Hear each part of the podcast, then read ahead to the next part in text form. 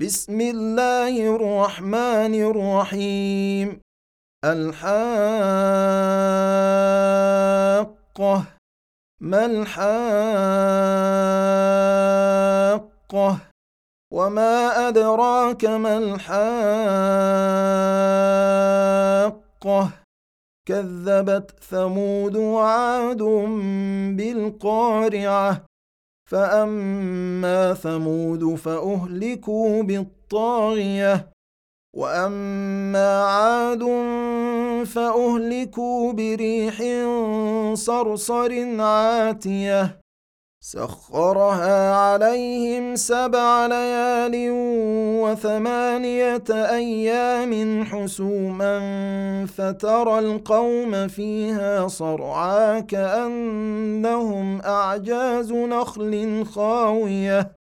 فهل ترى لهم من باقية؟ وجاء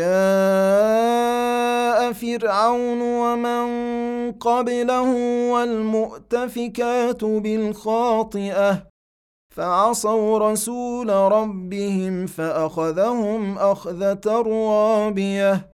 أنا لما طغى الماء حملناكم في الجاريه لنجعلها لكم تذكره وتعيها اذن واعيه فإذا نفخ في الصور نفخة واحدة وحملت الأرض والجبال فدكتا دكة واحدة فيومئذ وقعت الواقعة وانشقت السماء فهي يومئذ واهية والملك على أرجائها ويحمل عرش ربك فوقهم يومئذ ثمانية يومئذ تعرضون لا تخفى منكم خافية فأما من أوتي كتابه بيمينه فيقول هاؤم اقرءوا كتابيه. إني ظننت أني ملاق حسابيه. فهو في عيشة راضية في جنة عالية قطوفها دانية. كلوا واشربوا هنيئا بما أسلفتم في الأيام الخالية. وأما من أوتي كتابه بشماله فيقول يا ليتني لم أوت كتابيه ولم أدر ما حسابيه. يا ليتها كانت القاضية. ما أغنى عني ماليه؟ هلك عني سلطانيه؟ خذوه فغلوه ثم الجحيم صلوه ثم في سلسلة ذرعها سبعون ذراعا فاسلكوه.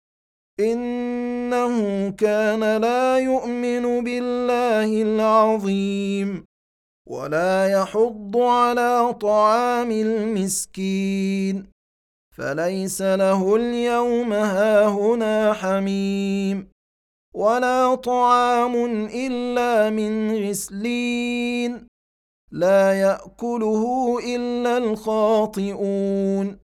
فلا أقسم بما تبصرون وما لا تبصرون إنه لقول رسول كريم وما هو بقول شاعر قليلا ما تؤمنون ولا بقول كاهن قليلا ما تذكرون تنزيل من رب العالمين.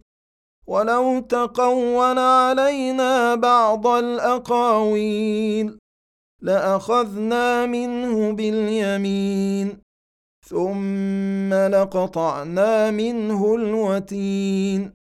فما منكم من أحد عنه حاجزين. وانه لتذكره للمتقين وأنا لنعلم ان منكم مكذبين وانه لحسره على الكافرين وانه لحق اليقين فسبح باسم ربك العظيم